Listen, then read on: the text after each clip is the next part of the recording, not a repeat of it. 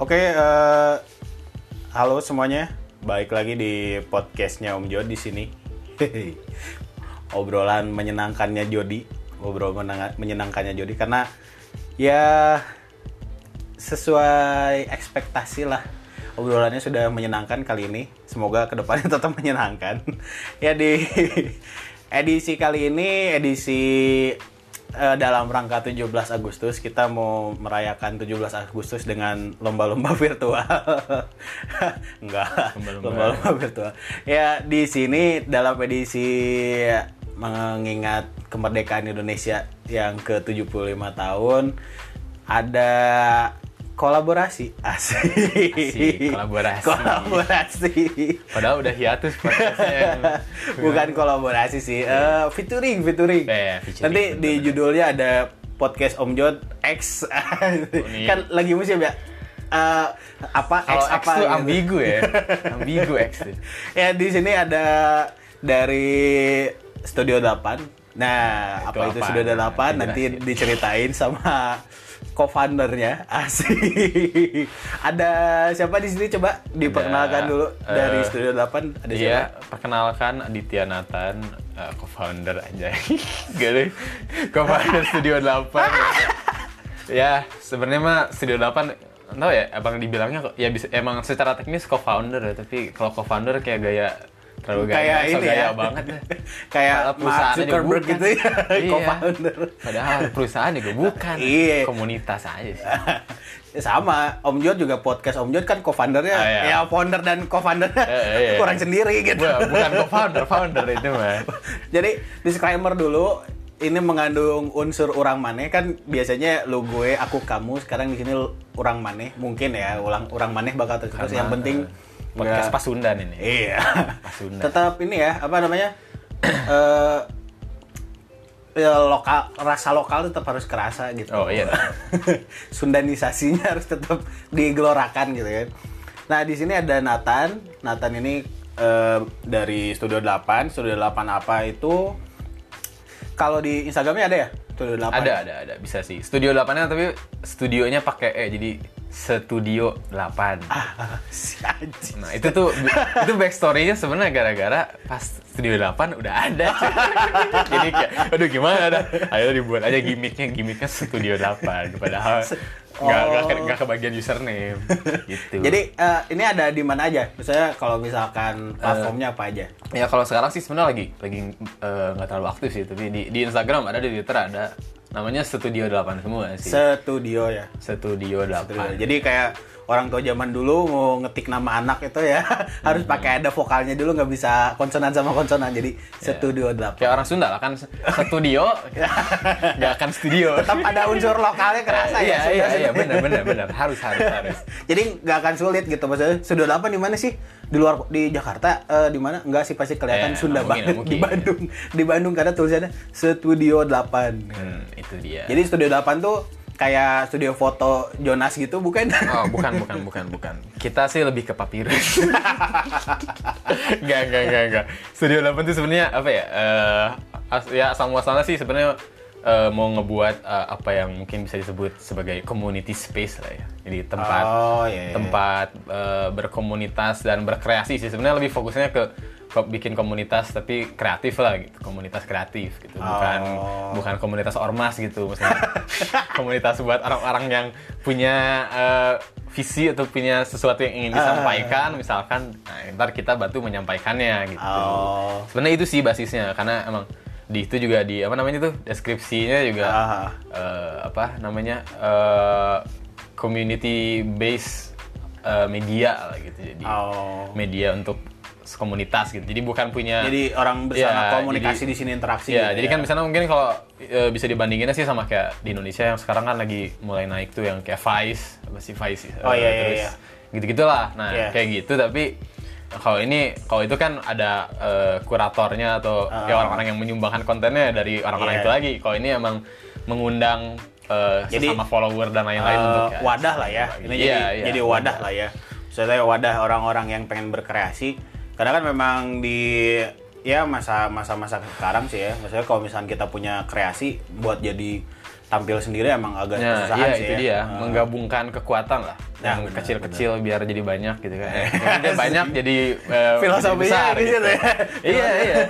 Kalau nggak susah bersaing gitu sama yang sudah besar. Jadi udah orang-orang yang punya kreasi dan seba visi untuk di tingkat seni atau Iya, apa pun iya, itu gitu apa pun ya. sih sebenarnya. Gabung lah di sini. eh, rencananya nanti mau buatnya sih lebih fokus ke YouTube lah. Jadi Ah. mungkin kan orang pasti ada aja orang yang kayak punya proyek apa lagi iseng ngapain Ah, gitu. ah, ah. Siapa tahu itu bisa di eh, apa namanya bisa diumbar gitu, bisa diumbar ya. Jadi kayak di apa? ya di post di sini lah ya, Ya, maksudnya. dipublikasikan lah, Nah, gitu itu. lah. Nah. Jadi memang udah ada wadahnya. Jadi buat eh, nanti ada yang punya pengen berkreasi nih bisa nanti lihat di Instagramnya dulu ya Iya. di studio Data. apa apa aja sih sebenarnya kayak mau hobi yang aneh juga boleh. Jadi ntar mungkin video-videonya lebih banyak kayak dokumenter lah misalkan ada yang punya band. Sebenarnya awalnya tuh kayak itu tuh yang contoh paling eh, nempel sampai sekarang tuh pernah ngobrol sama kakak tingkat tuh di kuliah ada jurusan IPA padahal tapi dia tuh lagi punya band bandnya rock tapi dia pengen bikin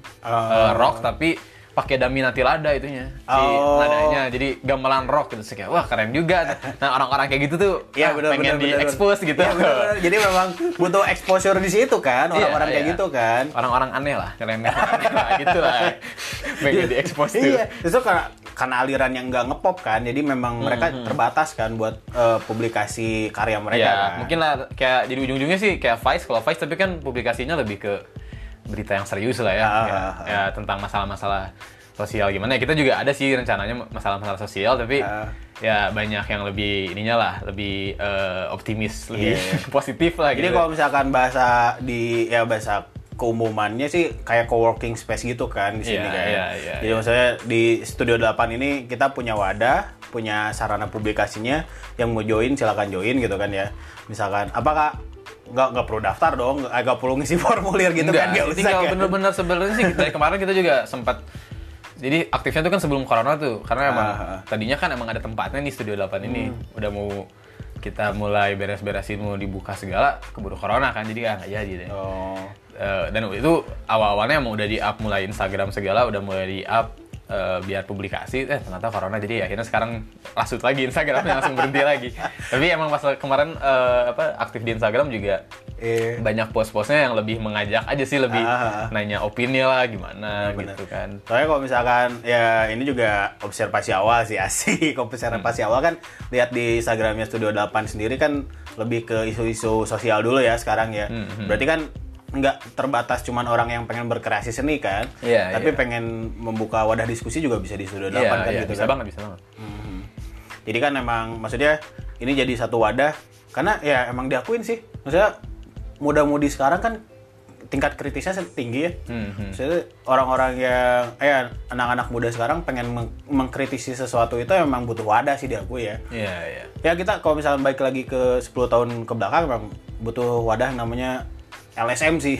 Cuman kan konteksnya Ya. LSM udah nggak nggak terlalu ya. inilah ya, misalnya nggak nggak terlalu menjual lah kalau konteksnya LSM gitu kan. Mhm. Kalau di kampus kan ada yang namanya himpunan mahasiswa dan sebagainya. Iya. Kayaknya misalkan ini kan organisasi non kampus dan sebagainya kan. iya pengen kalau itu kan ruang lingkupnya masih satu kampus aja gitu kan ah. ya ini biar lebih merata aja sih kayak pengen menangkap semua sih kayak mungkin kalau berita-berita gitu kan mungkin kelemahannya karena yang ngejalaninnya satu kelompok orang pandangannya jadi dari satu kelompok orang kalau ini ya pengen ada pandangan nanti ya kalau Iya. ada yang eh, apalagi yang SJW SJW gitu boleh Nah, bersuara itu, di sini itu gitu. benar-benar karena emang itu sih eh, bahasanya sekarang kan bekenya memang SJW Iya, karena orang-orang nggak punya wadah loh. Misalnya Iya, iya, orang-orang nggak punya wadah yang kayak ya menurut orang tadi ya misalnya pas orang 10 tahun yang lalu sih orang-orang bisa berkecimpung di LSM lah lembaga swadaya masyarakat. Cuman karena memang udah nggak menjual sih ya. Hmm, Iya, Jadi iya. memang butuh wadah akhirnya ke sosial media kan. Iya. Misalnya si SJW itu gedenya di sosial media. Hmm, ya sebenarnya sih emang sekarang di sosial media tuh eh, ke sana jadi orang-orang kan banyak yang ngomong, wah sekarang makin sini makin makin caur gitu orang-orang. Ah, ah, ah. Sebenarnya enggak sih, mungkin dari dulu caur, tapi karena belum ada sosial media, Iya, caurnya masing-masing gitu. Benar, benar, caurnya di benar. lingkungan Benar. masing-masing aja. Karena emang dulu kan maksudnya ya bahasanya si LSM itu kan eh, benar-benar yang di dunia nyata kan mereka ngelakuin aksi dan sebagainya gitu. Iya. Diskusi ruang publik terbuka. Sekarang kan platformnya berubah kan. Maksudnya Iya, kan iya. kayak Studio 8 menyajikannya di Instagram kan, forum diskusi gitu kan, ngelempar isu, kita diskusi soal Hmm, Iya, apa. ha. Mungkin ke depannya bisa di YouTube kan ya gitu ya. Iya ya, kalau di YouTube sih mungkin yang lebih kalau emang ada orang yang udah punya eh, menyusun suatu argumen yang ingin divideokan misalkan ya, Aha. boleh. Soalnya kan ngelihat kemarin sih emang sering nontonin YouTube tuh nontonin video itu ada namanya video esai lah. Jadi kayak ya intinya kayak esai Aha. tapi video gitu. Jadi menjelaskan Oh. sesuatu gitu kan. Sekarang lagi lagi banyak lah ya. Iya benar-benar. Apalagi kayak video pembelajaran gitu juga sempat mikir sih mau buat video pembelajaran tapi kebetulan tidak pengetahuan juga tidak seluas ini. Mungkin kalau ada guru yang ikut Iya. video 8 bisa gitu Iya kan. benar-benar. Pengen gitu juga sebenarnya. Iya, jadi maksudnya kalau misalkan kita ngomongin ini ya, misalnya tingkat eh, yang disebut SJW. Jadi kalau misalnya nggak tahu SJW itu social justice warrior kan, itu Iya, kayak iya. misal kayak ya disebutnya orang-orang yang kritis, tapi emang wadahnya mereka solo-solo solo lah, ya, maksudnya tuh mereka cuman mengemukakan pendapat di eh, platform yang mereka gunakan kan, Iya, ada iya. julukannya SJW gitu. Di luar negeri sih ya kayak gitu kan, udah Hmm. udah banyak. Indonesia sih belum terkoordina terkoordinir lah, ya. Nah, terkoordinir di satu wadah gitu. Ya ada beberapa sih sebetulnya di kota-kota besar. Cuman kan Bandung sendiri Studio 8 sih, ya maksudnya kalau misalnya Studio 8 akhir itu kayaknya bisa jadi gede sih. Iya, Tapi iya. sejauh ini udah ada banyak gak peminatnya? ya kalau follower sih masih yang kenal-kenal aja sih. Emang ya emang ekspektasinya juga yang kenal-kenal dulu lah ya pasti Iya, lah. Circle-nya biar Iya. terfilter dulu lah ya. Iya, yang kenal-kenal dulu tapi ya yang kenal-kenal juga udah beragam juga atau suaranya jadi kayak ya bagus-bagus Ah. aja sih yang terkenal. Ya, ntar kan mungkin dari sana merembet lagi lah gitu. Tapi ini maksudnya buat ya kita ngomongin soal agak sensitif, Ah, nggak ada batasan umur kan sensitifnya umur gitu. Oh, iya, iya, iya. Karena kan memang ya kadang nggak nggak sedikit sih ya maksudnya orang-orang yang eh, ya diakuin sih di kampusnya diem atau misalkan di dunia nyatanya diem tapi ternyata di sosial medianya lebih aktif lebih kritis gitu itu bisa bisa nimbrung juga nggak di studio 8 misalkan orang-orang kayak gitu Ya bisa aja sih sebenarnya kan. Ya sekarang juga sebenarnya sosial media kan orang-orang gitu aktif di sosial media juga karena di sosial media kan anonim ya gitu. Aha. Nggak ada konsekuensi apa-apa gitu. Konsekuensinya cuman ya Iya, di apa viral gitu. iya viral dan Gimana? Tapi viral juga di- atas nama username doang gitu.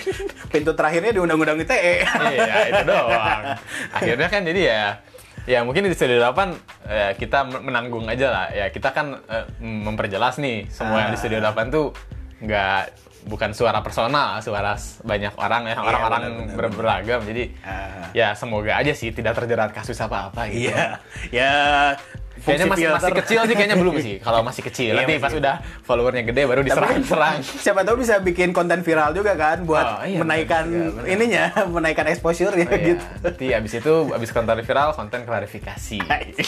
udah udah pola banget tuh. Iya, itu kan pola sukses tuh. Iya. tapi kayaknya edit tapi ada ada editor editornya kan nanti tetap kan maksudnya nggak semua orang yang pengen ngomong pengen nyampein sesuatu Oh iya, ya, bebas pasti juga sih. kan Pasti ya kayak lah ya. kita lebih ke yang ngebantuin aja. Mungkin kalau ada yang masih mentah ya di kita suruh lagi kayak coba gali Ah. lagi di tapi bareng gitu ngegalinya kan mungkin orang-orang juga bisa ngebantuin Iya. Ya, itu juga sih fungsinya kan mungkin ada orang yang di lingkungannya nggak punya temen buat diskusi hal-hal yang dia Ah. interest gitu kan terus Ah. mungkin ntar bisa nemu orang lagi di situ yang interest juga gitu jadi ya semoga Iya. bisa kayak gitu sih menarik sih maksudnya menarik tuh ya kalau misalnya kita zaman kuliah dulu kan dulu sih anjing. Ngomongnya dulu sih. Kesannya udah puluhan tahun yang lalu kuliah. Jadi maksudnya eh, kalau misalkan di forum anak kampus kan ada yang Iya. forum diskusi kayak gitu Iya, kan. iya. nah ini kan eh, forum diskusi di luar konteks yang formal-formal tapi tetap Hmm. ke filter kan. Nah itu sih menarik sih maksudnya menarik tuh. Karena ya Indonesia butuh kayak gitu sekarang. Anjing. iya, Indonesia. iya. karena memang ya kita eh, kalau misalkan balik ke zaman eh, 20 15 tahun yang lalu Kaskus kan jadi forum diskusi kan. Nah, nah. Ya se- sejenis gitu kan, maksudnya di sosial media ada ada satu forum diskusi eh, di internet yang bisa ngegali gitu. Nantinya ak- akhirnya kelihatan orang-orang yang ngebaca di situ buat ny- nyimpulin sesuatu kan dari diskusi di situ kan. ya ya ya Mungkin ini eh, bentuknya beda, platformnya beda kayak gitu mungkin ya. Maksudnya si Studio 8 sendiri kayak misalkan ngebuka nih pada forum diskusi tentang apa. Nah, nanti silahkan Iya. si netizen menilai sendiri gitu kan maksudnya. Iya iya kayak gitu sih. Misalnya kan kalau kalau sekarang kalau kasus nggak tahu ya kan nggak sempet ya main kasus aduh masih muda Asik. Kasus. jadi kalau Udah kelihatan banget. Ngomonginnya salah lagi aja. Kasus lagi. Tahu gitu ngomonginnya grup grup FB aja. MySpace aja udah ngalamin orang ah, gila Eh, pokoknya tapi kalau di Twitter kan sekarang masalahnya kan sekarang di Twitter ya pasti Ah, diskusi ah, gitu ah. nah kalau di Twitter tapi masalahnya tuh eh, terlalu terbuka lah terlalu Iya, eh, open nggak- terlalu iya. open source gitu kan. akhirnya jadi banyak informasi yang tabrakan dan gimana Iya. terus jadi banyak yang hal-hal yang viral pun ya pasti perhatiin hal-hal yang nggak penting justru yang viral gitu Ah, nggak tahu orang salah nge-follow aja gitu Iya benar benar benar benar benar kayak gitu. Jadi maksudnya karena emang ya diakuin sih dengan sosial media seterbuka sekarang ya, misalnya orang-orang bisa bebas berpendapat kan. Hmm, Cuman nggak sedikit juga yang pendapatnya nggak bisa dipertanggungjawabkan juga kan. Iya, Apalagi kalau iya. misalnya udah sangkut pautin, misalkan isu-isu negara nih atau misalkan isu-isu yang lagi rame, yang Iya. terakhir tuh kan kayak misalkan yang isunya di Amerika tapi kita Indonesia ikut ribut gitu Hmm. kan, hal-hal yang kayak gitu kan. Ya mungkin ya emang di Studio 8 nih kita semoga bisa diseleksi aja sih kredibilitas orangnya gitu kan. Jadi Nah, pasti disantumin nih, ini pendapat siapa? Ah, Pendapatnya ah, ah, anak sekolah kah? Pendapatnya anak mahasiswa kah? Soalnya Ah, kemarin juga sempat sih pas awal-awal eh, corona-corona gini sempat nanya soalnya ada temen yang ngebuat eh, apa namanya sih kayak apa ya berarti lembaga bukan lembaga sih kayak kelompok buat inilah ngebantu orang-orang yang terdampak Oh. corona gitu terus Ah, ah, ah. nanya-nanya ke dia terus kata dia eh, mau nggak eh, Hmm. sama orang dit- ya, ditanyain gitu kayak eh, mau nggak mana di interview gitu Iya. Eh, ngebahas tentang corona gimana sih penanganan Indonesia terus kayak oh kalau nggak interview aja ini ah, ayah orang eh, ini soalnya emang kerjanya di situ Ah, gitu kerjanya ah, ngedata-data gitu lah orang Iya, iya, matematika gitu terus kayak oh ya boleh ya jadi kan eh, apa dapat akses-akses kayak gitu ya dengan Iya. komunitasnya semakin luas semakin ini Iya, benar-benar. Ya karena emang kalau misalkan di ya kehidupan nyata sih ya, maksudnya kalau misalkan kita di kehidupan nyata memang orang-orang kan berkumpul ya, berkumpul dengan komunitasnya sih sebetulnya kan. Maksudnya hmm, ya manusia kan berkumpul dengan kelompok-kelompoknya lah. ya Kayak gitu. Jadi dengan adanya Studio 8 sih ya orang harap sih bisa berkembang dengan baik ya. Karena memang ini perlu loh, maksudnya perlu tuh eh ya orang juga dulu gedenya di salah satu LSM lah. LSM kelihatan kan umur orang tuh segimana setelah ngomong LSM gitu.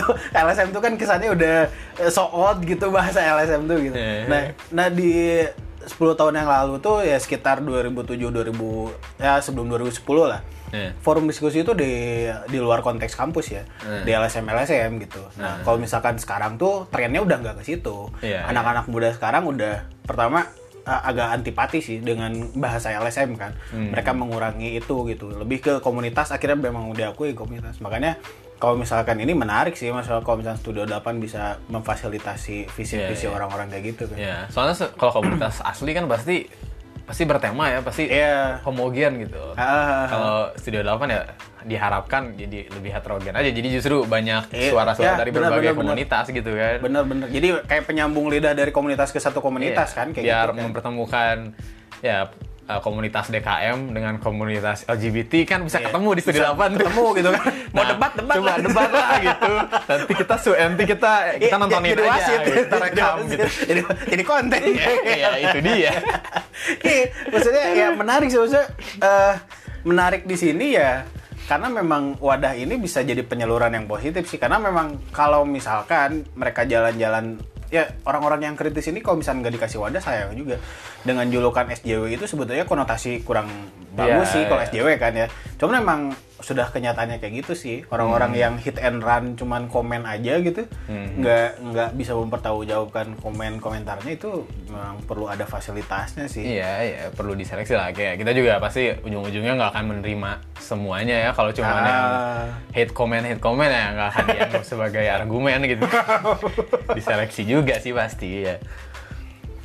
Mungkin ya karena emang entah ya kalau orang-orang kan mungkin lebih eh, ya nggak suka bergaul dengan orang yang beda pandangan gitu. Nah, kalau orang kalau orang sendiri sih emang dari dulu seneng gitu bergaul Ah. itu beda pandangan itu justru menarik gitu Iya karena iya benar-benar. sama ya teman aja sahabat ada sahabat di SMA juga beda banget gitu pandangannya sebenarnya tapi eh, Justru menarik kan kayak ya gitu jadi kan. menyeimbangkan gitu kan Sama orang-orang eh masing-masing masing-masing dengan pendapatnya kan gak usah memperdebatkan pendapat Iya. orang lain juga. Jadi saling melengkapi kan punya sahabat Iya. beda tuh ntar lagi istirahat makan siang kayak dia yang sholat orang yang diajar gitu jadi kayak sholatin ya bro Ayo sholat, iya hayu. Pas diajak ibadah hayu ibadah, iya hayu. Ya. Hayu tapi hayu hayu. Iya, akhirnya kan jadi terseimbangi gitu. iya, ya du- biar malaikat ada kerja kan. iya, iya. Jadi ada ya bisa nitip gitu, bisa nitip pahala. iya, jadi maksudnya ya kita eh i- di luar konteks yang misalkan ya studio 8 udah udah visinya udah kelihatan lah. Hmm, Kita ngomongin misalkan orang-orang yang memang berbeda pendapat gitu kan sekarang penyalurannya sangat terbuka ya maksudnya di sosial media sendiri kan. Hmm, Iya. Kit- ya maksudnya base base-nya si Studio 8 kebentuk ya kayaknya ngelihat dari orang-orang berpendapat di sosial media kan. Iya, iya sih emang berpendapat di sosial media dan emang karena nggak tahu ya dari dulu emang kalau orang sendiri sih jarangnya berpendapat yang serius gitu. Di, Aha. kayak lebih seneng ngeliatin orang aja gitu. Kayak Asli. oh orang ngomong gitu. Kadang-kadang suka yang lucu-lucu gitu kan. yang emang menarik-menarik gitu. Iya. Karena emang ya dia diakuin sih, diakuinnya itu eh, platformnya beberapa sosial media kan kebentuknya di sebelum 2010-an lah, se 2010 awal kan mereka udah mulai gede kan. Iya, iya. Nah, orang-orang kan di situ cuma lucu-lucuan. Ke sini ke sini kan udah kok serius banget sih. Iya, jadi makin iya. Sampai TikTok aja jadi alat politik sekarang ya. Iya. TikTok gitu. iya. Udah udah maksudnya karena ya kita juga lebih dari 50% aktivitas kita di sosial media kayak gitu kan. Iya, iya. Kemarin aja kan TikTok aja yang viral apa sih yang jadi debat kayak tentang kesetaraan gender segala kan Nah. di TikTok sampai Iya, makanya gitu justru. orang-orang tuh mereka enak mengemukakan pendapat tapi nggak sadar bahwa platform yang di- mereka pakai itu satu arah gitu kan. Hmm, iya, iya, iya, iya. Apalagi TikTok, nggak tahu sih, nggak main. Kalau TikTok bisa bisa bisa di komen nggak sih? Bisa ya? bisa bisa di Bisa, komen, bisa ya, di bisa komen. ya. Cuman kan tetap konteksnya Ya, orang ya, tuh mengemukakan pendapat Ah, jadi komen dikomentarin. doang. Iya, iya, iya. Nggak ada diskusi di situ kan. Iya, benar-benar sih. Ya, nggak main TikTok sih. Tapi ag- gitu. agak sorry ya ini cuma observasi aja. Nggak main TikTok Ya, juga cuma sebagai observasi. pakar lah ya, Iya, pakar cuman sosial media aja. Iya, sempat ngerekam tiga kali lah video. Oh, iya, iya, iya, iya.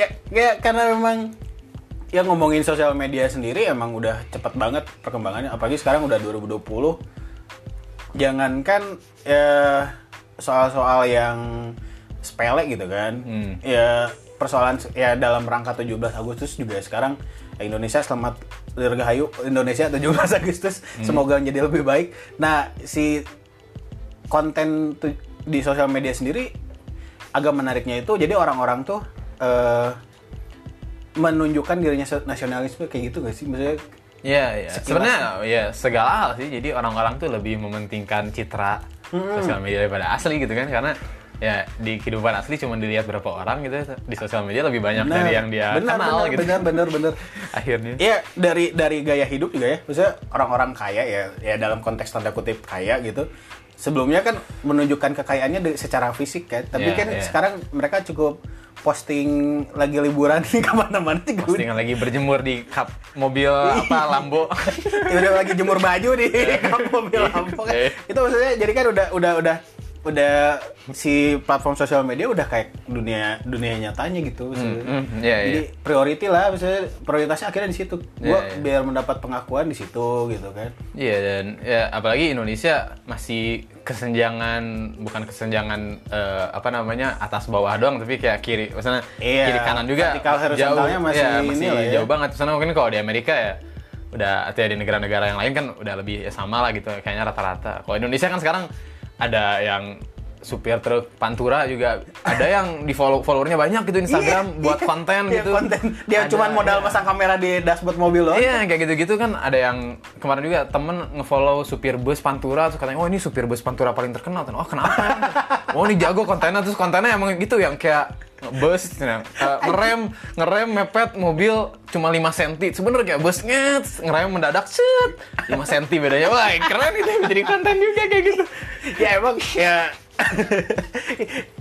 gokil juga sih baru tahu ada sopir bus yang terkenal di Pantura. Iya, makanya. Orang baru tahu itu ada. nah dari sosial media tuh bisa kayak gitu kan Iya. akhirnya Ya, Tembus- kayak- kayak tembus tanpa batas gitu kan untuk Iya, sosial iya. kan. Semuanya punya kesempatan yang sama ujung-ujungnya jadinya.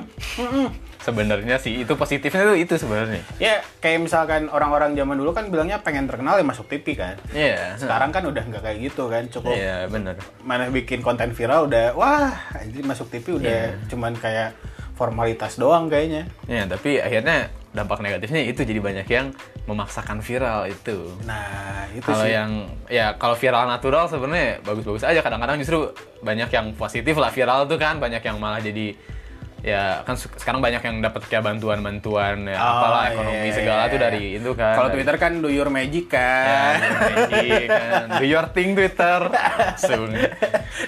Nah, tapi ya sayangnya banyak yang dibuat-buat ujung-ujungnya. Iya. Ya dengan ya maksudnya kalau misalnya kita lihat perkembangan sosial media kayak gitu terus potensi ya diakuin sih orang-orang ya anak-anak muda sekarang kritisnya bagus gitu apa eh, penyaluran kreasinya kreatifnya sebetulnya sebetulnya kayaknya dari dulu juga kreativitas itu banyak sih ya cuman emang wadahnya kan Iya, terbatas. nggak ada wadahnya. Nah sekarang dengan sosial media yang terbuka ini banyak orang-orang yang pengen eh, nunjukin dia ke- kemampuan dia dengan gampang kan. Mhm. Maksudnya kalau misalkan sekarang si Studio 8 ada, terus kalau misalkan dengan potensi-potensi gitu ada nanti ada kayak Studio 8 Got Talent gak sih? bisa tuh bisa ya, bisa. iya. Kalau udah besar gitu ya mungkin. Maksudnya kan kayak ya Bandung kan orang kreatifnya banyak katanya. Iya, iya. itu potensinya banyak. Jadi kan mereka yang bingung cari platform, cari komunitas kan siapa tahu bisa terafiliasi dengan baik gitu di Studio 8 kan. Iya, iya. Sebenarnya emang apalagi orang-orang yang emang kebetulan aja eh, udah hidupnya fokusnya bukan hal yang dia passion kan banyak ya. Ah. ya kayak kemarin yang tadi juga kan contohnya tadi kan ya mahasiswa IPA gitu, fisika murni apa gitu, astronomi gitu, tapi dia passionnya adalah membuat rock gamelan gitu kan. Itu kan sesuatu yang disayangkan gitu kalau tidak diakui siapa-siapa Iya. gitu. Jadi maksudnya kalau misalkan memang itu bagus kan apa salahnya kita publikasikan? Emang maksudnya itu jadi sarana yang ya orang bisa berkembang di sini lah Hmm, hmm. gitu. Jadi ya siapa tahu kan jadi Studio 8 Got Talent. iya, bisa jadi. jadi. Ada talent squadnya khusus gitu. Oh iya, iya, iya, benar ya benar. Tapi kan tadi bilangnya di Instagram itu ada forum diskusi. Kadang kan ya dengan terbukanya sosial media orang bisa ngomong apa aja kan. Hmm, hmm. Nah, eh, endingnya sendiri kalau misalnya dari diskusi di sosial media mau dibawa ke mana sih? Maksudnya apa nanti si orang yang di, apa yang ngasih pendapat ini bisa kita tarik buat Ya, di mungkin kalau ada yang emang eh, kelihatan banget sampai soalnya kemarin nanya tuh kan kemarin tuh sih buat diskusi pakai question itu kan di story gitu kan question. Ya ada yang jawabnya singkat padat jelas ada ada yang nulis esai gitu kan. Yang nulis esai ya mungkin nanti bakal ditarik gitu ada yang asli bener-bener eh, ngejawab di kan kalau question itu cuma berapa huruf gitu lanjut di reply gitu wah berapa paragraf nah, berarti oh dia mungkin pengen ada sesuatu yang disampaikan nih soal ini mungkin bisa ditarik kalau kayak gitu gitu kan Iya, iya. Coba kalau misalkan sekarang kan tadi bilang lagi agak agak hiatus dulu lah ya.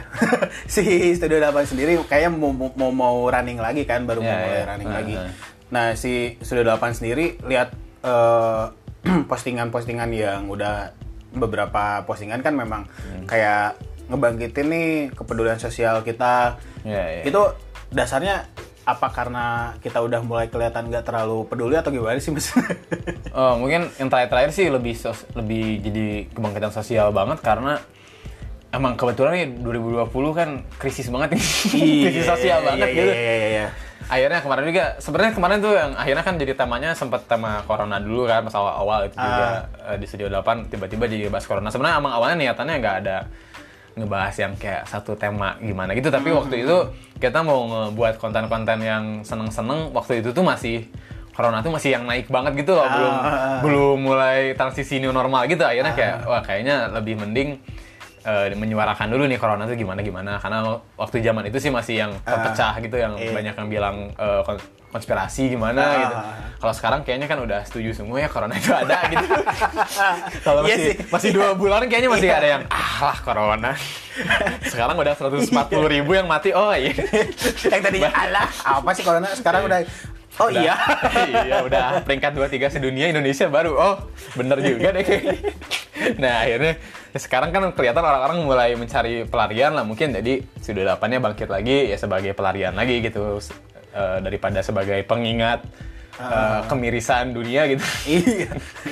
soalnya kemarin juga pas ngeliat ini kok beritanya corona, eh, bahas corona terus Udah beres-beres, kayaknya orang malah kan? stres aja kan orang malah makin Ah, stres benar benar benar. ya akhirnya ya udahlah akhirnya hiatus dulu mikirin mau bahas apa nih ya udah akhirnya bahas lain-lain aja lah tentang Iya. ke transisi new normal gimana dan sebagainya mungkin kayak gitu sih nanti eh, ke depannya Menarik sih, maksudnya ya di akhirnya emang orang-orang kan di kondisi new normal ini aktivitas di luar juga dikurangin, interaksi langsung ngobrol sama orang juga dikurangin kan, baik lagi akhirnya mereka fokus orang kerja, belajar, kuliah, sekolah juga akhirnya online kan. Iya, iya. Memang ya memang butuh, maksudnya butuh arahan lagi sih, maksudnya guideline buat orang-orang ini ngeh gitu bahwa mereka tuh perlu meningkatkan kepedulian sosialnya kan. Iya iya iya. Kayak dipancing-pancing gitu. Ya mas sebenarnya sekarang juga mikirnya kan salah ya justru eh, sekarang jatuh padahal sekarang tuh eh, lagi butuh-butuhnya orang gitu untuk komunitas gitu. Akhirnya kayak karena emang awalnya sih konsepnya udah udah eh, pakem sama konsep yang orang-orang tuh datang ke sini Ah. nanti kita bisa interview bisa apa. Mungkin kalau ada channelnya sih Indonesia tuh ada Creative Fox atau nggak sih Creative Fox Creative Fox Hmm, pokoknya sebenarnya itu ngikutin channel luar negeri jadi yang kayak videonya tuh banyak yang misalkan topiknya tentang eh, nanya orang, nanya 100 orang tentang agama. Ntar jadi video itu cuma 100 orang ditanyain kayak seberapa agama Islam sih lu, terus ntar dijawab dikompilasiin gitu loh. Oh. Awalnya tuh mau kayak gitu, tapi diundang ke sini kan, Ah. eh, kenal-kenal dulu aja gitu. Terus akhirnya nggak bisa. Terus sekarang kayaknya mikir-mikir ya mungkin bisa lah dibuat kayak gitu tapi eh, online gitu. Jadi orang oh bisa bisa. ngerekam atau Ah, gimana gitu. Akhirnya benar-benar. kayak udahlah buat gitu cobain. Akhirnya mau berusaha jalan lagi dengan konsep seperti itu. Karena entah kapan ini coronanya kan selesainya gitu. Jadi iya ya udahlah. Iya kalau kita nyerah sama corona juga malesin juga ya. Hmm. Maksudnya, kita nggak ngapa-ngapain gara-gara corona sayang juga. Kayak karena lihat ya ya diakuin sih orang-orang yang dengan kondisi new normal ini potensinya jadi kelihatan Mhm. karena banyak mereka yang mendalami eh, akhirnya dia kayak diem di rumah mikir gue ngapain ya orang ngapain sih biar produktif akhirnya kan Hmm. kayak gitu ya dan gak sedikit orang-orang yang itu bikin esai bikin Ya, kayak ya. ya ini juga podcast Om Jod berdasarkan corona sih berdasarkan- ya. daripada diem Stres ru- di rumah. eh, eh, stres di rumah ngapa-ngapain kan sekarang kalau misalnya mau nge-tweet atau posting di sosial media takut kena undang-undang yang tidak baik kan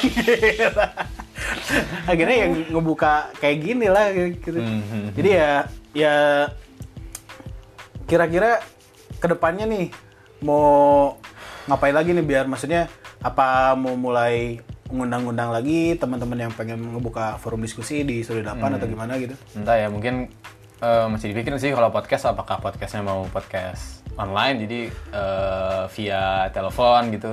Ah, tapi kalau gitu kan mikirnya ah quality-nya beda gitu. Iya, benar-benar. suka nggak suka lah kalau gitu suka ah gatel gitu dengarnya. Akhirnya ya mungkin nggak tahu ya mungkin diundang dengan prosedurnya gitu. At, eh, ada protokol juga. kesehatan. Protokolnya ntar buat yang kotak gitu yang pss gitu disemprot dulu. Ya nggak tahu mau kayak gitu atau gimana. Tapi ya ya nggak yang penting mau dijalanin dulu aja lah. Kalau Ah. online online ya enggak enggak gitu karena lagi butuh-butuhnya sih orang-orang gitu kan Iya, ya kita ya bisa disimpulin sih, maksudnya dari obrolan sekilas juga Saudara 8 kan terlahir dari keresahan ya, maksudnya keresahan gue tuh pengen ini, orang tuh pengen gini, tapi kayaknya nggak ada nih tempatnya, gue orang tuh pengen ini gitu. Nah, kita lihat, maksudnya dari obrolan itu yang tadi kayaknya ada keresahan tersendiri coba dari Nathan. ada Ya, keresahan ya, apa ya. sih yang membuat kenapa harus bikin Studio 8 dan tadi kan ada kita munculin kepedulian sosial Hmm, lagi harus munculin lagi kayak misalkan orang-orang ini harus difasilitasi Ah, itu iya, iya. dari keresahan apa sih sebetulnya? ya, sebenarnya sih origin story-nya ya origin story-nya. Oke, kita Backstory. nyeduh kopi dulu bentar ya. back, backstory-nya eh, mungkin awalnya kan gara-gara emang awalnya kan eh orang tuh kan ini eh, keluar kan kuliah kuliah tuh keluar. Ini buat pendengar yang belum tahu. Keluar kuliah baru semester 1 cuy. Disclaimer dulu, keluar kuliah bukan berarti negatif. ya ya ya nah ya itu ya itu berlanjut ke studi 8 itu. jadi keluar kuliah karena emang kebetulan eh, kurang serak lah dengan eks- ekspektasinya tuh eh, jurusan itu yang yang diambil nggak mau disebut ya takutnya Iya. ntar kasus nih. Tit, udahlah pokoknya. jadi jurusan ini tuh dikirain eh, eh, ekspektasinya adalah ter- ternyata nggak Ah. nggak sesuai ekspektasi Ya ya ya ya. malah justru terlalu berat gitu kayak karena kebetulan sih jurusan ini tuh perlu dedikasi yang tinggi gitu. Dan loyalitas tanpa batas Iya, biasanya. loyalitas tanpa batas juga gitu. Karena orang tahu uru- jurusannya apa, Iya. jadi kayaknya ngeliatnya Waduh, eh, gitu. kayaknya loyalitas tanpa batas nih, kayaknya tugas Iya. harus jam 4 pagi, jam 7 harus kuliah kayak gitu kan Iya, biasanya. benar sekali. Nah, akhirnya kayak wah, stres akhirnya keluar. Pas keluar akhirnya mulai eh, kehilangan arah kan. Akhirnya kayak gimana ya? Terus eh, kalau orang sendiri kan sebenarnya dari dulu emang interestnya tuh pengen kalau kerja sih kerja eh, di film ya. Mhm. Film oh, ini jadi clue nih jurusan apa. Pokoknya di film dan ya seni lah gitu. Ya, gitu lah ya. Hmm. Nah, akhirnya nyari-nyari lah kayak, nah kok kalau eh, apa sebenarnya kenapa sih eh, orang tuh suka sama si seni sama film ini gitu? Ah, Ken- ah, kenapa suka gitu? Apakah dari sekedar cuman kayak eh, ya estetiknya kayak pembuatannya atau gimana? Terus kayak akhirnya orang mikir-mikir sendiri, oh emang kayaknya sih suka tuh gara-gara eh, sebenarnya sih film seni gitu kan membahas Ah. masalah-masalah yang berkaitan banget sama eh, ke Benar, benar, masalah manusia gitu Benar, kan. benar, benar, benar. cerita-cerita tentang ya masalah eh, apa struggle-nya menjadi seorang Ah, manusia gitu iya, kan benar, akhirnya benar, kayak benar, oh ya berarti ke situ ya mungkin arahnya akhirnya mulailah eh, gimana ya caranya ngejar itu dulu lah. Karena kalau sekarang kan nggak mungkin nih bikin film sekarang gitu. Akhirnya ya mungkin buatlah eh, apa dengan tujuan yang sama gitu. Dengan kalau orang nih disuruh ngebuat film pasti bakal mirip-mirip kayak gini sih konsepnya. Bakal Ah. film-film yang ujung-ujungnya membahas sesuatu yang perlu dibahas gitu Iya, akhirnya iya. kayak ya udahlah mungkin jangan film dulu tapi bahasnya dengan cara lain dulu akhirnya muncullah Studio 8 ini gitu kan. Oh. sebagai pengganti proyek film-film gitu lah kayak Jadi memang dasarnya keresahan dari ya ya diakuin sih maksudnya film pokoknya karya seni itu muncul dari keresahan dia Iya, sebagai manusia iya, kan, pasti. sosial lah gitu ya. Nah, emang ini sudah 8 akhirnya muncullah sudah 8 buat orang teh pengen ada ini nih. Oh, ada Iya. masalah ini nih, pengen berkarya dulu kan di situ Iya, kan. iya. Sekalian belajar juga sih kan ya melihat perspektif makin banyak perspektif kan makin mungkin nanti makin banyak cerita yang bisa disampaikan gitu Iya. kan. ya menarik sih, menariknya karena memang dengan menyimpulkan bahwa dunia perkuliahan itu tidak sesuai ekspektasi, akhirnya daripada orang berdarah-darah di situ kan mending orang berkarya di tempat lain kan. Hmm. Iya, ya emang maksudnya ya balik lagi sih kayak sekarang kan sosial media segala udah itu berdampak banget kan dengan ke perkuliahan maksudnya Iya. dulu mau belajar apa-apa ya harus kuliah gitu. Benar, benar, benar. Kalau sekarang ya banyak gitu caranya kayak dulu kan kuliah tuh yang paling penting ya berarti belajar si ilmunya jelas. Ah. Dan mungkin kalau jurusan-jurusan lain nih yang kayak teknik apa teknik Iya, apa iya. pasti ya kuliah lah harus gitu ya soalnya teori banget. Kebetulan kalau jurusan jurusan saya nih tidak terlalu begitu. Tidak terlalu begitu. akhirnya kayak wah eh, bisa sih sebenarnya dengan cara lain gitu Eh. akhirnya. Nah ya jadi ya ke, ke arah situ sih terus yang kedua dari kuliah kan mungkin orang dulu ngejarnya komunitasnya. Nah, Iya. Dari situ akhirnya muncul juga oh iya mungkin bisa lah dengan cara lain membangun komunitas sendiri gitu karena ujung-ujungnya kayaknya lulus kuliah juga kalau nggak Iya. punya kok koneksi komunitas apa pun ya tetap aja melempem juga gitu kan Ini sih ya pendapat pribadi ya. eh, sarana perkuliahan atau dunia pendidikan sekolah itu Hmm. saya orang sih termasuk yang gak setuju dengan sistem yang di, di Indonesia. Hmm. Makanya kalau misalkan ada orang-orang yang out dari dunia pendidikan perkuliahan Hmm. atau sekolah ya bagus.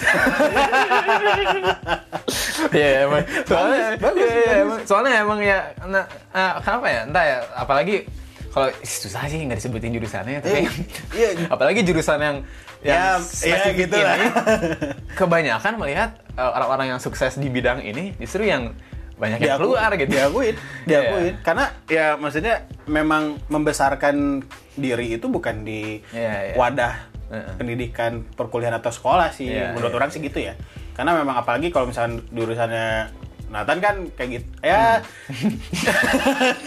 nggak semua nggak cuma jurusan Nathan sih Hmm. Iya, semua iya. sistem perkuliahan mereka bisa ngegali ilmunya di luar dan lebih besar Iya, jadi iya.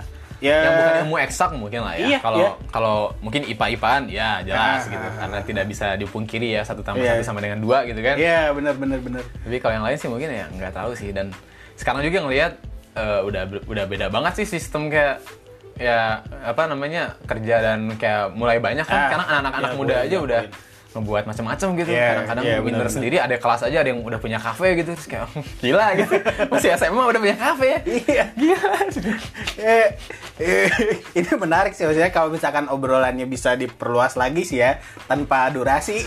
Nah, iya, iya, bisa iya. banyak yang digali nih soal soal eh, keresahan-keresahan yang timbul dari kenapa terbentuknya Studio 8 dan kenapa itu bisa terjadi. Iya, gitu. iya, iya, iya, iya. ini ya maksudnya karena memang kritisnya anak ya bukan anak sih maksudnya ya pemuda-pemudi sekarang ya mahasiswa-mahasiswa Hmm. memang ya harus diakuin keterfasilitasi loh dari Hmm. di wadah dulu dulu ya anjing kok dulu ngomongnya dulu terus ya Eh. kesannya orang tuh Iya, ya, mungkin tapi emang mungkin kalau dulu sih sekarang tuh lebih ekspektasinya jadi lebih tinggi karena Iya, kelihatan iya. semua gitu. Kalau Hmm. dulu ya pasti terbatas aja emang kalau yang emang lingkungannya yang emang ya udah kuliah kuliah ntar dapat kerja ya Ah. udah kalau sekarang kan ngelihat banyak yang oh, gila nih kayak apa ya artis-artis aja sekarang Billie Eilish aja Heeh. 17 tahun berapa 18 Oh, tahun iya. udah jadi gitu kayak, aduh jadi ekspektasinya lebih aduh susah dah gitu kan karena ya bukan buk ya tadi kan sempat bilang bahwa orang yang keluar out dari sistem pendidikan di Indonesia ya perkuliahan sekolah itu menurut orang bagus. Karena memang orang bagian dari sistem se- orang yang menjalankan prinsip seperti itu gitu. Jadi ketika orang tidak merasa terpuaskan di sistem perkuliahan orang gedenya di luar gitu. Jadi Iya, iya. gede di luar tuh apaan sih kuliah cuman gini doang? gitu. Akhirnya nyari ilmu di luar diakuin gitu.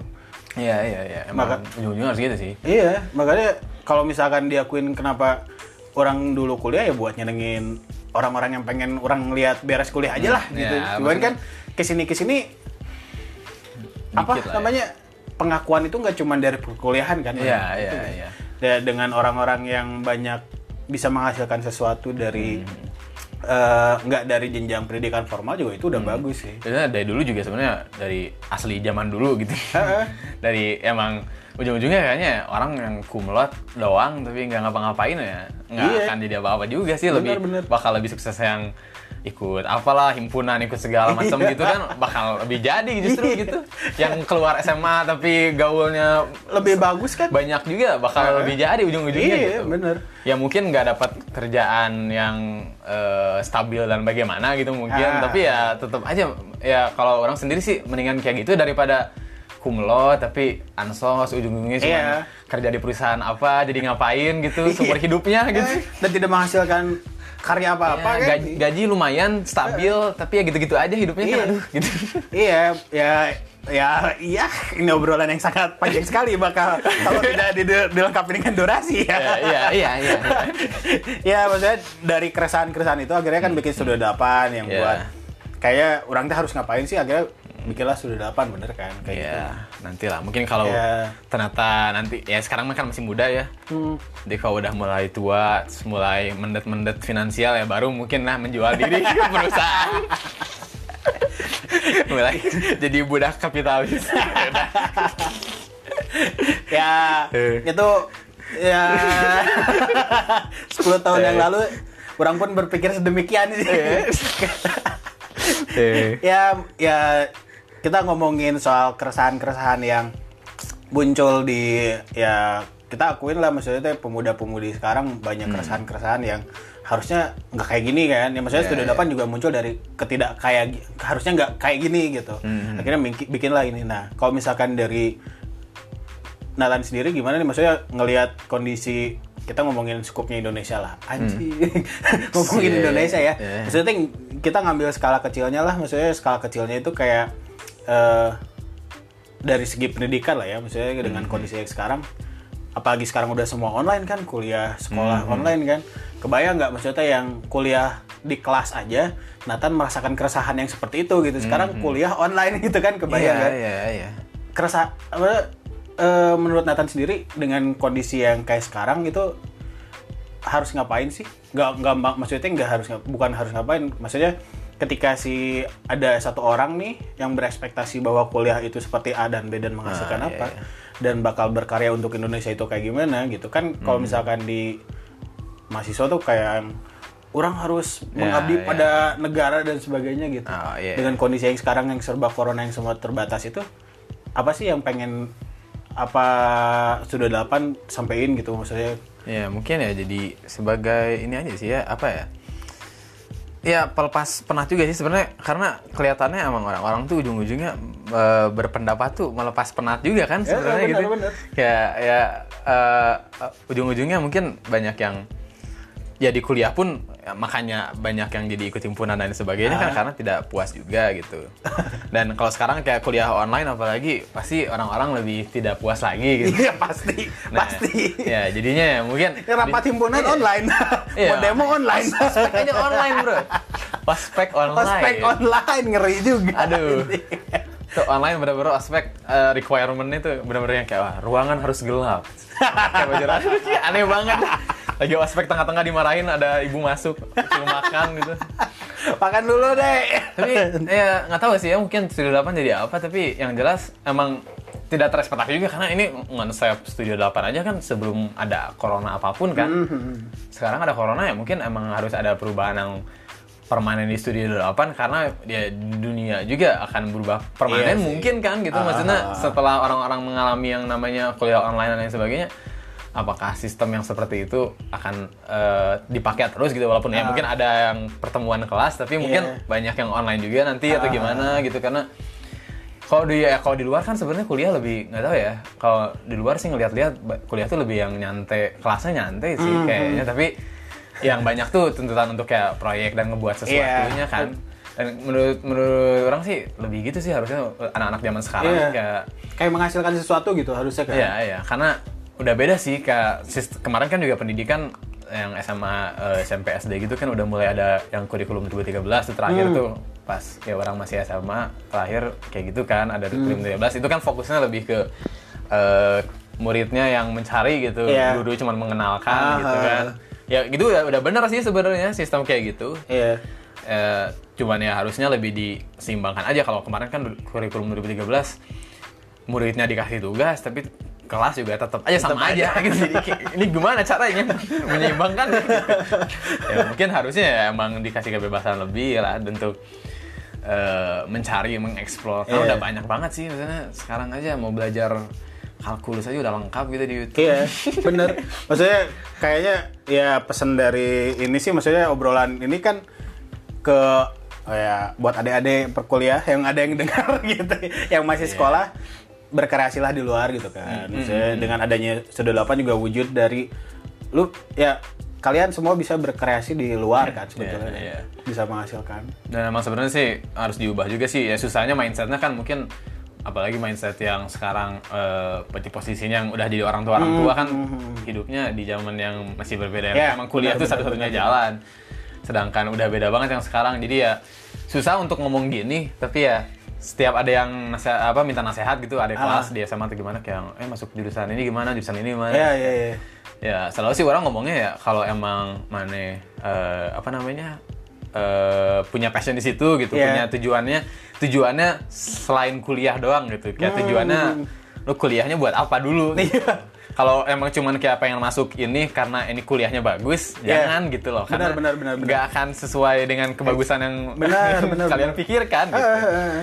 Kayak ujung-ujungnya bagus atau enggak tergantung Iya. sendirinya aja. Lebih Iya. lebih mending masuk ke jurusan yang terpencil tapi suka dan pol di situ Ah, kan iya. daripada masuk jurusan bagus tapi IP-nya satu. mending mending jadi ikan di kolam yang eh ikan besar di kolam yang kecil kan Iya. daripada ikan besar di kolam yang besar kan kayak Iya. gitu kan ya ya gimana lagi ya maksudnya Hmm. emang di Indonesia diakuinya dari pendidikan di situ Hmm, kan iya buka buat orang tua yang mendengarkan ini Iya. Bapak-bapak, ibu. buat bapak-bapak ibu-ibu buat adik-adik dan rekan-rekan ya. semuanya Bapak-bapak, ibu-ibu coba lebih sering main Twitter. Jangan main Facebook terus. jadi jadi nggak semuanya yang kelihatan dari luar jurusan A dan B itu bagus bakal menghasilkan orang-orang yang bagus kan ya kayak kata Nathan juga tadi kan ya dijelasin tujuannya apa sih nge- Hmm. nyari misalkan masuk ke sini tujuannya apa ya? Kalau misalkan orang sih dulu tujuannya nyari cewek sih. Iya, iya. lebih mending gitu loh, lebih mending gitu, jujur gitu kan. Iya, makanya. Yang yang yang yang paling aneh itu mending ya kalau jurusannya yang dilihat, tapi kan banyak yang cuman kayak eh, wah apa ah asal masuk ITB atau asal masuk UI nggak peduli jurusannya. Iya. Lah itu gimana logikanya gitu? Emangnya kenapa kalau lu masuk ITB sama aja? Lu masuk Al- yang penting kan lu beres kuliahnya survive bisa struggle di Iya. bidangnya kan itu kan lebih penting ya. Makanya ya itu maksudnya kalau misalkan cuma asal masuk ya repot sih maksudnya ya. Iya, iya. Makanya baik lagi ke tujuan awalnya kalau misalkan emang mau tujuan yang ngapain harusnya harusnya eh, takarannya tuh gimana sih kuliahnya gitu kan harusnya kan gitu Iya, kan. iya. Makanya ya siapa tahu pengalaman orang nyari perkuliahan dengan dasar nyari cewek kan bisa jadi Iya. dasar. bisa aja bisa aja siapa tahu ntar dapat ceweknya udah ini kan bisa Iya. mem- memodali hidup Ya udah usah kuliah kayak kayak terbuka dong terbuka sekarang kan Terbuka, sudah terbuka. cewek cowok tidak ada perannya sekarang. Iya, kan tidak apa-apa jadi cowok Hmm. eh, matre Setaraan gender kan cuman di bagian tertentu tapi di bagian yang bagian itunya kadang kita Oh, tetap iya. diprotes kan. tetap aja cewek nyari cowok kaya nggak apa-apa tapi kita eh kita lagi enggak lah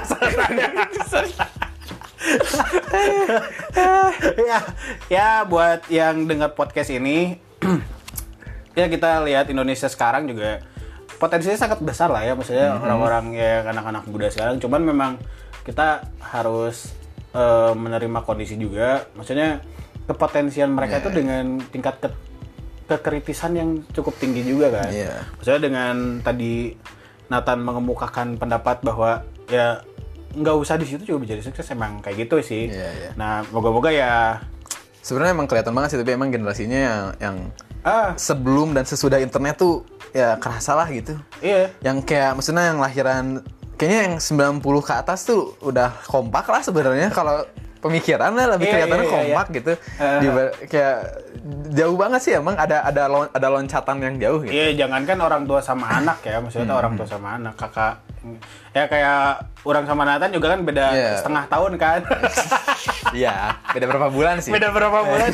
itu udah dari cara komunikasi sama pemahaman kan udah beda juga. Iya, ya. iya, iya. Nah, itu makanya kalau misalkan keresahan-keresahan yang timbul dari anak-anak sekarang kan memang kadang out out bukan out of the box sih. Sebetulnya kayaknya dulu juga udah pernah ada, cuman kayak ketahan Ya, selalu gitu lah. Kayaknya Selalu lah, ketahan gitu kan. Cuman karena sekarang anak-anak lebih gampang nyampein pendapatnya kan ke orang tuanya jadi kayak Iya. lebih terbuka kan kelihatan jadi kayak anak durhaka gitu kan. ya zaman dulu juga zaman kerajaan juga pasti iya, benar. ada aja kan pasti zaman kerajaan orang tua orang tua juga kayak ini anak-anak yang disuruh meditasi nggak mau gimana nih? Belajar ilmu nggak mau? Ilmu tenaga dalam. Disuruh tapa dulu satu tahun kamu. Eh, gimana nih? Iya, iya. kalah sama demak gimana? Ya masih udah ada kayak gituan sih. Suruh ngasah tombak tiga hari nggak mau, kenapa Iya. sih? pasti ada aja kayak gitu pasti. Jadi maksudnya ya kita muncul-muncul dari keresahan-keresahan dengan potensi anak muda sekarang. Ya diakuin sih. Maksudnya ya Indonesia juga 10 tahun ke depan kan di pundak anak muda sekarang ya. Kalau misalkan tidak terfasilitasi dengan baik ya semoga di Studio 8 bisa menemukan potensi-potensi itu lah ya, ya semoga lah ya. Ya begitulah. Begitulah. Ini podcast biasanya berapa sih? Episodenya satunya berapa, berapa menit biasanya? Pernah nyampe satu jam setengah. Oh pernah pernah. Nah, tapi dipotong ya mau satu jam. Ah, iya, iya. dipotong yang eh ah ehnya doang Ah, eh, ah. yang cuman hmm, gitu. Yang mm, yang eh gitu ya Iya, iya. dipotong-potong jadi ngomongnya wah clear lancar lah ya. Padahal potongnya banyak.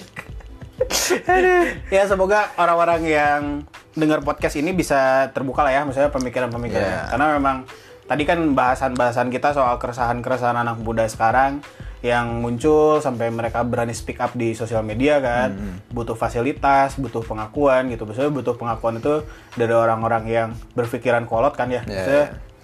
Orang-orang yang berpikiran kolot kan pas anak muda ini berspeak up kadang ini apaan sih anak muda kok gini banget gitu kan. ya ya pasti sih ya mungkin eh tapi kayaknya kalau podcast sih yang dengerin pasti ya tahu ya ke, identiknya dengan ini ya orang-orang yang terbuka pikirannya gitu kayak Ya semoga aja lah ya. Kalau misalnya lihat analitik dari yang podcast ini sih umurnya dari 38 sampai 45 sih. Oh, iya. yang denger podcast Waduh. ini.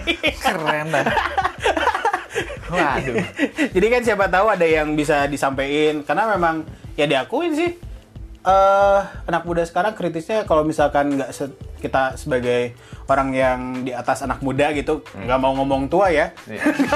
belum sih, belum. nggak mau ngomong Belum, tua belum, belum. jadi anak-anak muda sekarang berpikirnya memang ya apa yang mereka sampaikan akhirnya speak up kan Eh. nah emang ya moga-moga Studio 8 ini bisa jadi satu fasilitas yang enjoy Iya, iya. buat anak teman-teman pesan terakhir nih buat Akhirnya apa? anak muda Bandung khususnya atau anak muda Indonesia Aduh. apa sih yang pengen disampaikan kalau misalkan lu harusnya gimana lu harusnya gimana Waduh, nggak- aduh belum nyiapin.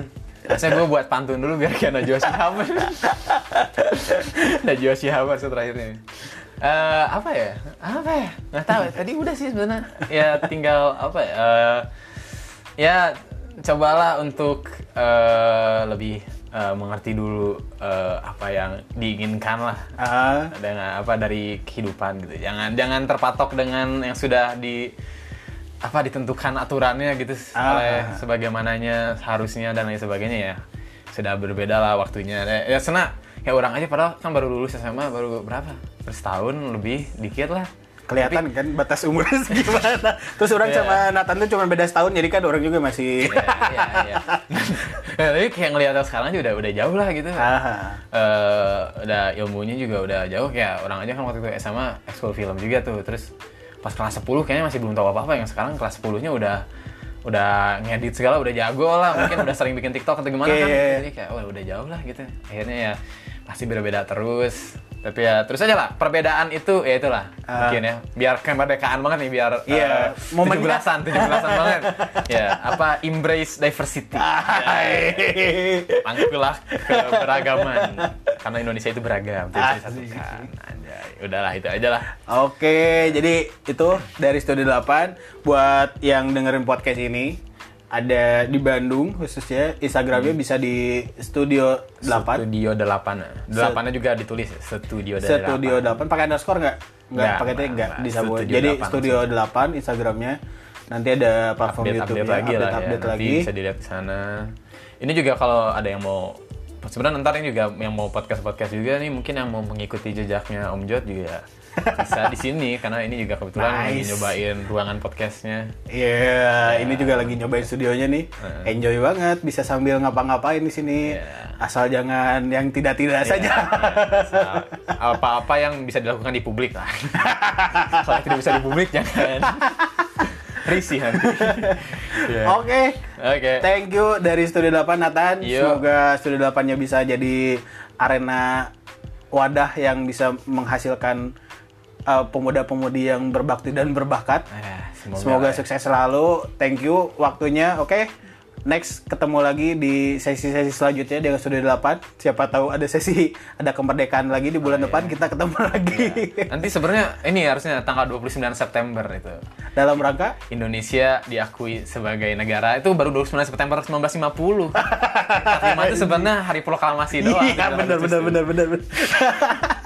Masuk PBB-nya baru 1950. Iya. Wah, ini kontroversial nanti langsung. Parah nih. Oh iya, langsung sejarawan tuh. Apaan nih? langsung udah wah dihantuin ntar sama eh, apa namanya Pahlawan, pahlawan. hantunya Pak Pak Soekarno serem dah ya udah. Oke, thank you. Sebelum eh, ditutup, selam jangan fo- jangan lupa follow Instagramnya Om Jod, podcast Om Jod. Ada Instagram dan Twitternya. Nanti tercantum di deskripsi episode ini. Thank you. Selamat hari ini.